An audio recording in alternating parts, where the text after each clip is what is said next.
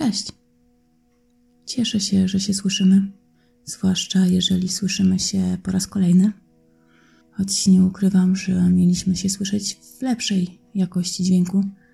E, Niestety, odkąd pamiętam, byłam zawsze antytechniczna i okazało się, że mikrofon, który zamówiłam, e, nie jest do końca kompatybilny z moim komputerem. E, Tak więc na razie musimy pozostać z tym, co mam, ale mam nadzieję, że jeszcze troszeczkę i uda mi się poprawić jakość dźwięku. Wiecie, niedługo będzie kicał zajączek, to może przykica i do mnie z czymś dobrym. Chciałam Wam wszystkim na początku bardzo serdecznie podziękować za wszystkie pozostawione komentarze.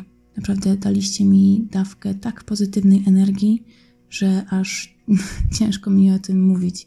Ale wierzcie mi, dostałam dużego kopa do działania. Zwłaszcza chciałam podziękować Ani z kanału Corpus Delicti za przywitanie, którego się naprawdę totalnie nie spodziewałam. Dziękuję Ci, Aniu. Naprawdę wiele to dla mnie znaczy. A dzisiaj chciałabym Was zabrać ponownie do dawnej Łodzi, do roku 1928. A będąc bardziej dokładnym, dzisiejsza historia, którą chcę Wam opowiedzieć, e, wydarzyła się 11 listopada 1928 roku, czyli dokładnie w dziesięciolecie odzyskania przez Polskę niepodległości. Tego dnia o godzinie 10 rano do mieszkania państwa Tyszer, bardzo majętnych właścicieli sklepu z fortepianami na ulicy Piotrkowskiej 117, puka mężczyzna. Otwiera mu gosposia państwa Tyszerów, Józefa Borowska, która nie zna mężczyzny. E, Ten jednak mówi jej, że niedawno otrzymał wysoki spadek i chciałby wraz ze swoim ojcem kupić fortepian, choć zdaje sobie sprawę, że dzisiaj sklep jest zamknięty, jednak bardzo zależy mu na sprawie. Gosposia przekazała informację Marii Tyszer, która, jak się okazało, znała mężczyznę, który był zainteresowany kupnem. Umawia się z nim więc tego samego dnia na godzinę trzecią po południu w sklepie znajdującym się piętro niżej. Przenieśmy się teraz dzień później, na 12 listopada.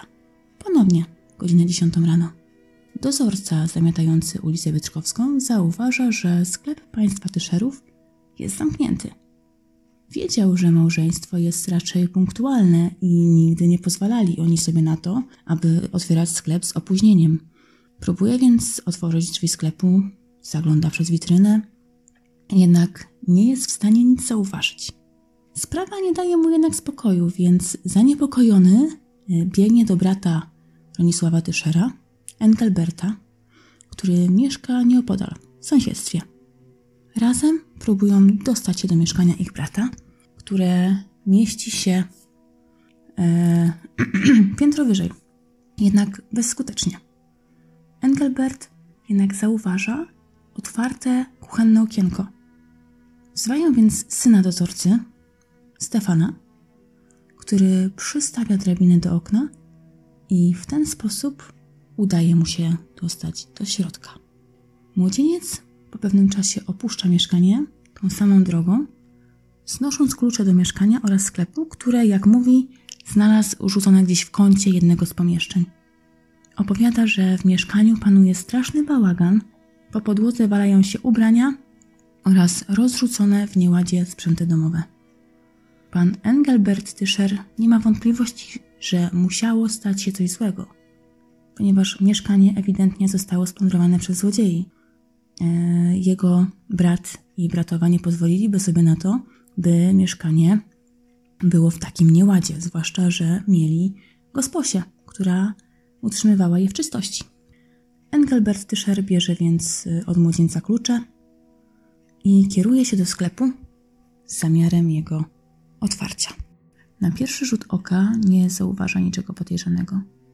Jedynie drzwi do drugiego pomieszczenia zastawione są fortepianem, co wydaje mu się nieco dziwne. Odsuwa więc instrument i zauważa leżące na podłodze ciało swojej bratowej, Marii Tyscher. Miała ona widoczne urazy głowy oraz rany cięte na ciele. W zastawionym pokoju znajduje swojego brata, leżącego na boku przy fortepianie. również z widocznym urazem głowy. Jego zakrwawiona ręka leży na klawiaturze fortepianu. Engelbert Tischer czym prędzej zawiadamia telefonicznie policję o tym, co odkrył w sklepie swojego brata. Na miejscu bardzo szybko zjawia się komisarz Elzeser Niedzielski, znany już z historii o Marii Zajdlowej.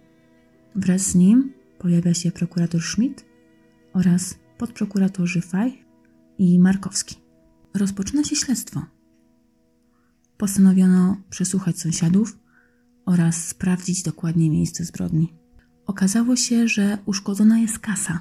Najpewniej sprawca nieudolnie próbował ją otworzyć, jednak bez rezultatu. Zginęła też zawartość portfela Marii Tyszer, portfel Tyszera, biżuteria Marii oraz kilka mniej lub bardziej wartościowych przedmiotów. Po przesłuchaniu sąsiadów okazało się, że od wczorajszej nocy nikt nie widział gospodyni państwa Tyszerów, co było dość niespotykane, ponieważ mieszkała ona z nimi na stałe. Ostatni raz widziana była dnia wczorajszego, jak wychodziła z kamienicy w towarzystwie dwóch mężczyzn, po czym wsiadła z jednym z nich do taksówki i odjechała. Wcześniej wspomniany dozorca wspomina zresztą, że o godzinie 23 wpuszczał przez bramę nieznajomego mężczyznę, który udał się do mieszkania państwa Tyszerów. Gosposia po opuszczeniu budynku do mieszkania państwa Tyszer już nie wraca. Tym miejscu należy nadmienić, że zbrodnia popełniona na Tyszerach nie była jedyną popełnioną tego dnia, ponieważ z samego rana w okolicach ulicy Milionowej w Łodzi robotnicy udający się do pracy odnajdują kobiece ciało.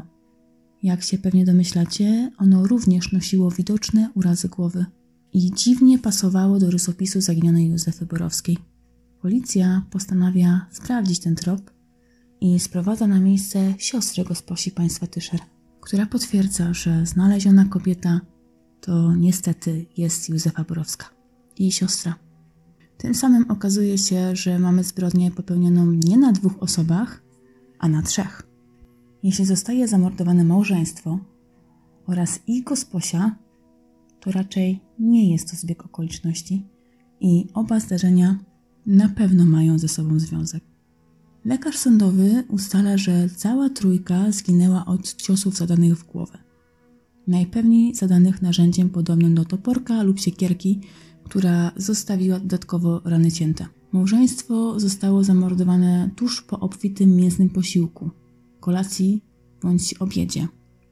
W niektórych źródłach pojawia się również wzmianka o tym, że e, zarówno Maria Tyszer, jak i jej mąż mieli poderżnięte gardła oraz e, wyłupane oczy. Jednak powiem szczerze, że to chyba była troszeczkę fantazja prasy, e, ponieważ e, w prasie można znaleźć zdjęcia tyszerów i nie wyglądali oni raczej jakby nosili większe obrażenia niż urazy głowy, ale może ja się mylę. Wracając jednak do historii, to początkowo uważa się, że Borowska mogła stać się ofiarą przez przypadek. Podobno miała niezbyt dobrą opinię i uznano, że być może współpracowała ona z mordercami Tyszerów. Zakładano, że wspólnie zaplanowali morderstwo na tle rabunkowym. Nie było przecież tajemnicą, że państwo Tyszer byli ludźmi bardzo majętnymi. W najbliższych dniach Bronisław Tyszer miał zaplanowane kupno kamienicy na ulicy Zielonej, a niedługo po tym Małżeństwo przymierzało się również do wybudowania domu. Tak więc y, raczej do biednych nie należeli, zwłaszcza jak na tamte czasy. Ponadto za motywem rabunkowym y, przemawiał fakt, że sprawcy próbowali się dostać zarówno do kasy sklepowej, jak i do sejfu, który znajdował się w mieszkaniu Tyszerów. Y, zginęło też kilka bardziej lub mniej wartościowych przedmiotów, więc y, motyw rabunkowy był E, jedynym, jaki brano pod uwagę i chyba słusznym. E, szybko jednak okazuje się, że przypuszczenia te były błędne. I już na zajutrz zostaje aresztowany niejaki Stanisław Łaniucha, na którego nazwisko został wystawiony rachunek, który zostaje znaleziony na miejscu zbrodni. Podejrzany od razu po aresztowaniu przyznaje się do winy. Jak tylko widzi policję w swoim mieszkaniu, podobno wypowiada słowa: Wiem, po co oni tu przyszli. Policja znajduje w jego mieszkaniu część zrabowanych tyszerom, rzeczy, zakrwawiony toporek strażacki, który uznają prawdopodobnie za narzędzie zbrodni, oraz kwit z pralni, do której Łaniucha oddał zakrawione ubranie. Łaniucha zeznaje bardzo chętnie.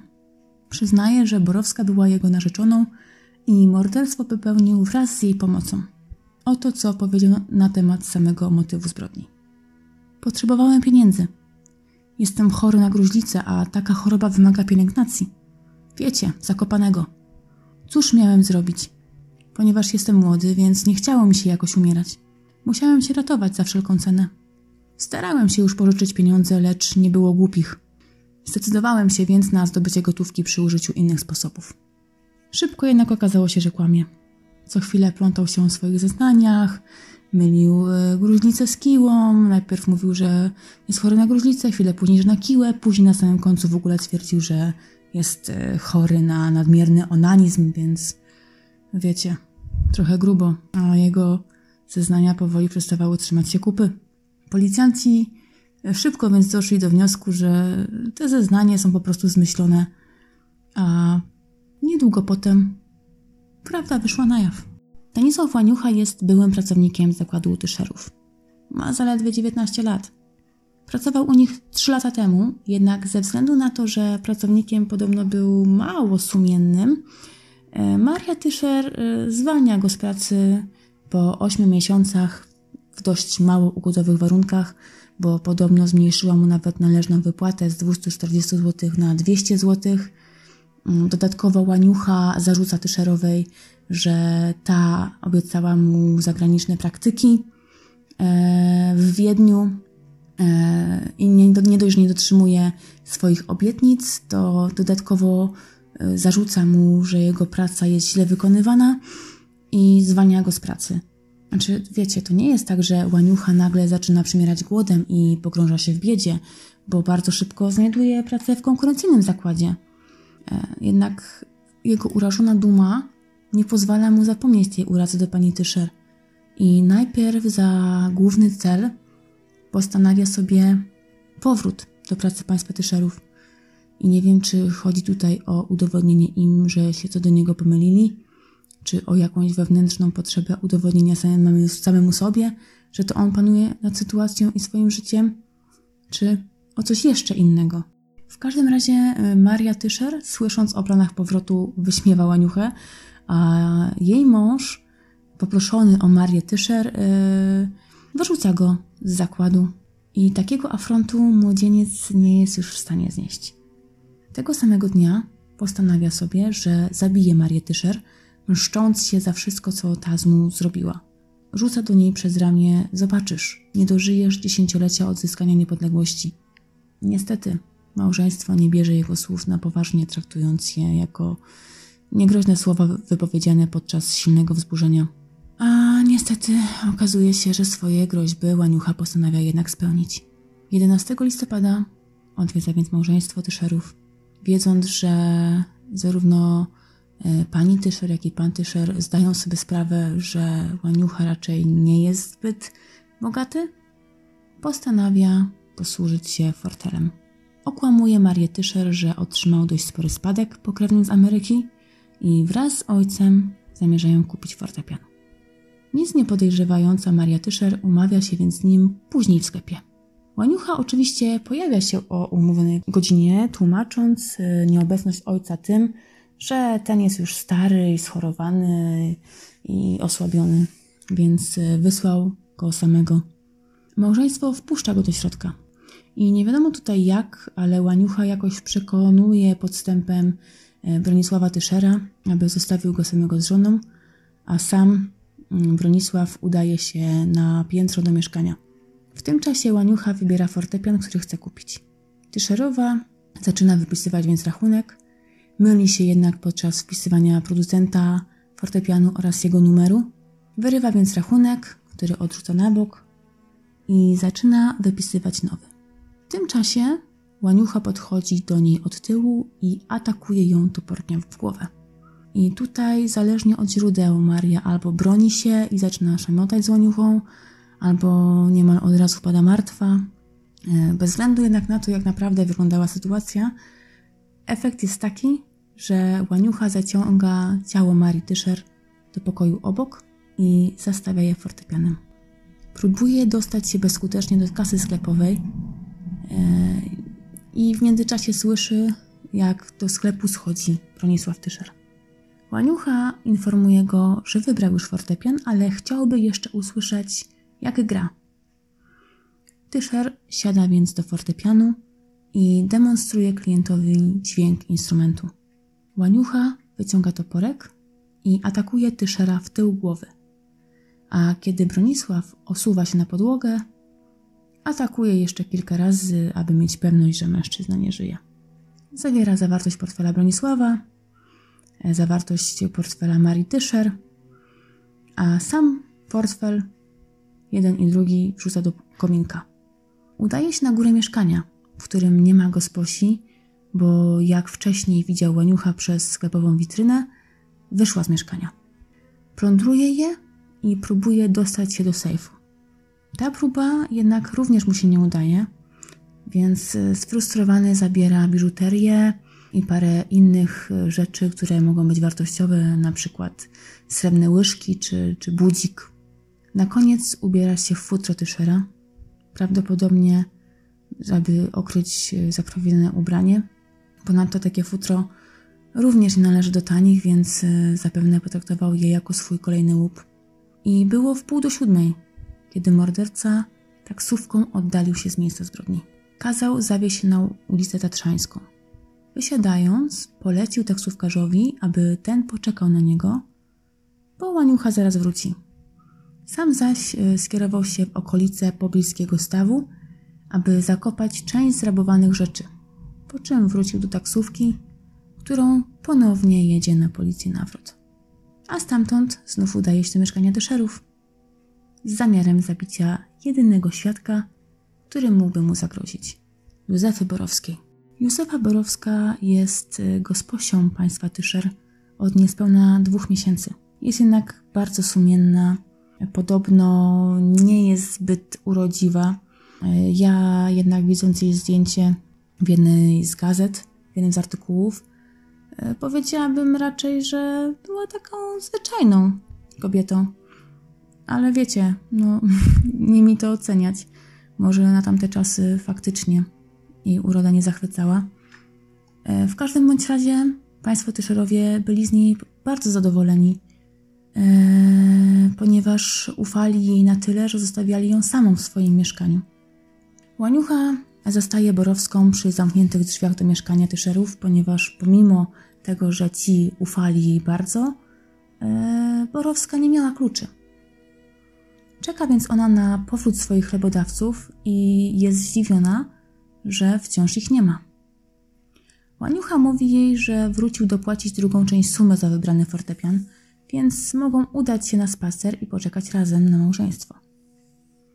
Borowska jednak odmawia, a Łaniucha oddala się i wymyśla nowy plan. Udaje się do cukierni Piątkowskiego, gdzie spotyka 14-letniego gońca – któremu wręcza 8 zł. Prosi go, aby ten zaniósł Borowskiej 5 zł i przekazał jej, że państwo Tyszer pilnie proszą, aby udała się taksówką do ich drugiego mieszkania przy ulicy Milionowej, a dla siebie zatrzymał 3 zł za fatygę. Co też chłopak robi? W trakcie jego rozmowy z Borowską, Łaniucha podchodzi do nich i mówi, że pojedzie z nią, to od razu zapłaci Tyszerom resztę kwot za fortepian. Borowska, nie przeczuwając niczego złego, zgadza się, nie wiedząc, że to są jej ostatnie chwile. Taksówka zatrzymuje się w lekkim oddaleniu od celu ich podróży ze względu na błotnistą drogę, po której auto nie jest w stanie przejechać. Łaniucha z Borowską wysiadają z taksówki, e, prosząc, by ta poczekała, Kawałek dalej, za zakrętem, łaniucha atakuje gosposie tym samym toporkiem, którym kilka godzin wcześniej pozbawił życia jej pracodawców. Jej ciało wrzuca do rowu i przykrywa chustą, po czym wyciera ręce i wraca sam do taksówki. mówiąc kierowcy, że odprowadził dziewczynę, a ta została w mieszkaniu. Sam wraca do centrum miasta po zakopane rzeczy. Po morderstwie pilnie śledzi doniesienia prasowe. Dowiaduje się, że świadkowie widzieli podobno dwóch sprawców zbrodni, co go trochę uspokaja i sprawia, że powoli zaczyna czuć się bezkarnie. Oddaje więc zakrwawiony garnitur do pralni i później okazuje się, że właśnie ta pewność go gubi, ponieważ właściciel pralni zawiadamia policję o dziwnie zabrudzonym brunatną cieczą garniturze oddanym u niego do wyprania. Przecież całe miasto huczy o zabójstwie państwa Tyszerów, więc łączy wątki i uznaje, że jest to dosyć podejrzane. Jego zeznania i kwit na nazwisko Łaniuchy oraz rachunek za fortepian znaleziony u Tyszerów na to samo nazwisko jednoznacznie wskazuje policji sprawcę. Łaniucha zostaje osadzony w areszcie. Jednocześnie aresztowany zostaje e, czternastolatek, który pomógł Stanisławowi wywabić Borowską, ponieważ e, początkowo policja podejrzewa jego współudział.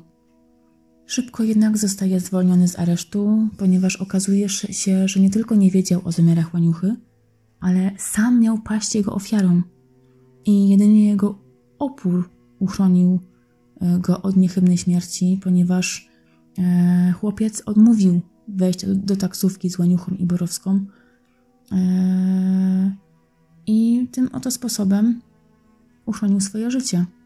Siedząc w celi, Łaniucha jest nad wyraz spokojny. Zresztą tak też opisuje go najbliższe otoczenie. Spokojny, uprzejmy, podobno nawet pisał wiersze. Wiecie, taka wrażliwa dusza z niego była. Ten typ, co to zawsze wszystkim dzień dobry na klatce mówił. Zapytany przez klawisza więziennego, czy odczuwa jakieś wyrzuty sumienia, odpowiada: Wyrzuty sumienia? Teraz? A na co mi one potrzebne? 21 lutego 1929 roku rozpoczyna się proces Stanisława Łaniuchy. Budzi on tak wielkie zainteresowanie obywateli, że prowadzona jest na niego sprzedaż biletów, która zresztą rozchodzi się w tempie ekspresowym. Każdy czeka z niecierpliwością na proces człowieka, który z zimną krwią zabił trzy osoby, a w planach miał morderstwo czwartej. Proces rozpoczyna się o godzinie 9 rano. Na ulicach gromadzą się tłumy, a policja zmuszona jest pilnować porządku oraz wprowadzać wszystkich posiadających bilety. Cała sala rozpraw się zapełnia. Po chwili wprowadzony zostaje oskarżony, a po sali rozbiega się szmer.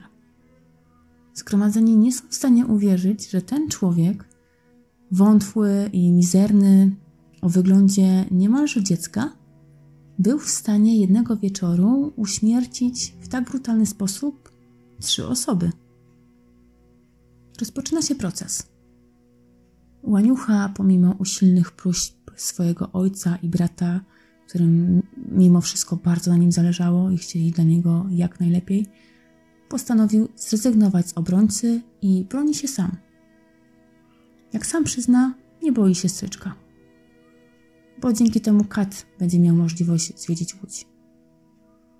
Na pytanie sądu, czy przyznaje się do winy, odpowiada tak, całkowicie. W trakcie procesu zeznaje naczelnik więzienia, który opowiada, że dwa tygodnie po aresztowaniu Łaniucha przyznał mu się, że ma przyjść do niego paczka z kartką od jego wspólnika w zbrodni. Podobno umówił się ze swoim wspólnikiem, że Łaniucha w zamian za 30 tysięcy weźmie całą winę na siebie. Zrobi z siebie wariata w sądzie i ujdzie mu wszystko na sucho.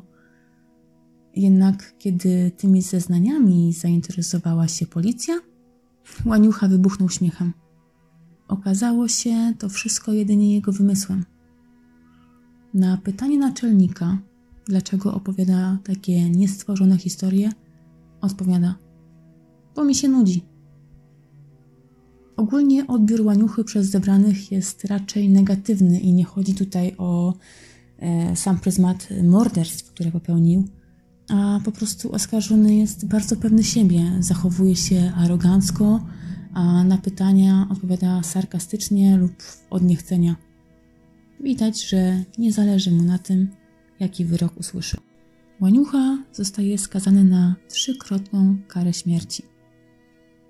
Usłyszawszy wyrok, zakrzyknął, w zależności od wersji: Niech żyją ładne kobietki lub niech żyją młode kobietki. Cokolwiek to miało znaczyć. To jednak nie jest koniec tej historii, ponieważ ojciec Łaniuchy jest załamany wyrokiem. Kocha swojego syna bezgranicznie i nie potrafi się pogodzić z wyrokiem. Wykorzystuje fakt, że Łaniucha jest niepełnoletni, ponieważ w tamtym okresie pełnoletność uzyskiwało się dopiero w wieku 21 lat i postanawia wnieść o apelację w imieniu syna. Wynajmuje też obrońcę, Wilhelma Lilkera. Obrońca domagał się uchylenia wyroku śmierci z czterech powodów. Po pierwsze, sąd pierwszej instancji nie zbadał zdrowia psychicznego oskarżonego. E, po drugie, obrońca wysnuł wątpliwości co do poczytalności i zdrowia psychicznego oskarżonego, na co miał wskazywać chociażby ten dziwny okrzyk po ogłoszeniu wyroku, e, oraz fakt, że matka oskarżonego chorowała na depresję, e, była alkoholiczką oraz parę lat temu popełniła samobójstwo poprzez wypicie trucizny. Po trzecie, obrona wskazywała na niezwykłą surowość wyroku w odniesieniu do wieku oskarżonego, który był przecież według prawa jeszcze nawet niepełnoletni. E, I w końcu po czwarte, wskazywano, że przy wydawaniu wyroku e, sąd pierwszej instancji nie wziął pod uwagę żadnych okoliczności łagodzących, e, takich jak chociażby wiek, wiek oskarżonego, przepraszam, czy nieposzlakowana opinia jaką posiadał. Sąd apelacyjny zgodził się z obroną i przyjął wniosek o apelację. W trakcie procesu apelacyjnego skupiono się głównie na zdrowiu psychicznym i poczytalności łaniuchy. Jego ojciec podkreślał o niestabilności emocjonalnej jego matki oraz o jej alkoholizmie. E, wspominał też, że jego syn bardzo często był nazywany przez innych wariatem – chociażby dlatego, że śmiał się w nieodpowiednich momentach, które inne osoby uznawały za całkowicie nieśmieszne. E, ponadto okazuje się, że babka Łaniuchy e, była kobietą o e, niemalże upośledzeniu umysłowym.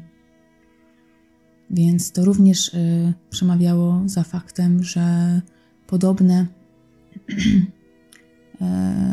tendencję może wykazywać łaniucha.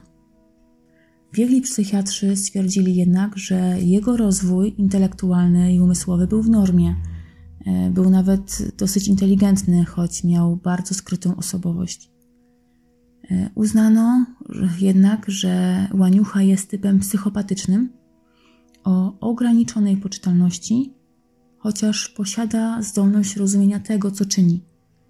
Nie był więc osobą niepoczytalną, która nie może odpowiadać za swoje czyny.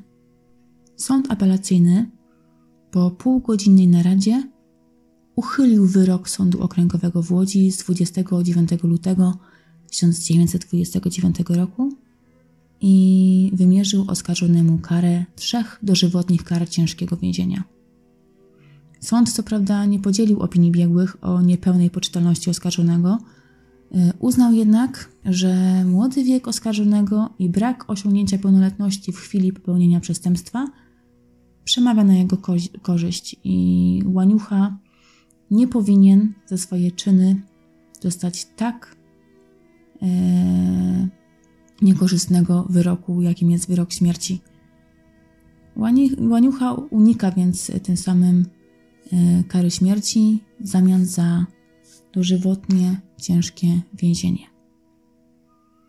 Zostaje osadzony w więzieniu na Świętym Krzyżu w pobliżu Kielc, skąd podjął zresztą nieudaną próbę ucieczki wraz z innymi osadzonymi. E, po udaremnionej próbie Łaniucha składa wniosek o przeniesienie do innego ośrodka, a wniosek ten zostaje uznany. Stasiek Łaniucha zostaje przeniesiony na stałe do więzienia we Wronkach, gdzie zostaje go druga wojna światowa, która sprawia, że słuch o nim ginie, jak o wielu innych. Łaniucha stał się również, jak e, Zajdlowa, bohaterem wielu pieśni i prześpiewek łódzkich. Jedna z nich yy, brzmi tak. Zapadła noc głucha, z toporkiem łaniucha, do państwa tyszerów zakrada się. Ty szerze, ty szerze, odmawiaj pacierze, ja mówię ci szczerze, zabijecie. I tak oto kończy się jedna z najbardziej popularnych łódzkich zbrodni dwudziestolecia międzywojennego. Dajcie znać w komentarzach, co Wy o tym myślicie. Jak podobała Wam się historia i czy jest lepiej. Mam nadzieję, że usłyszymy się ponownie.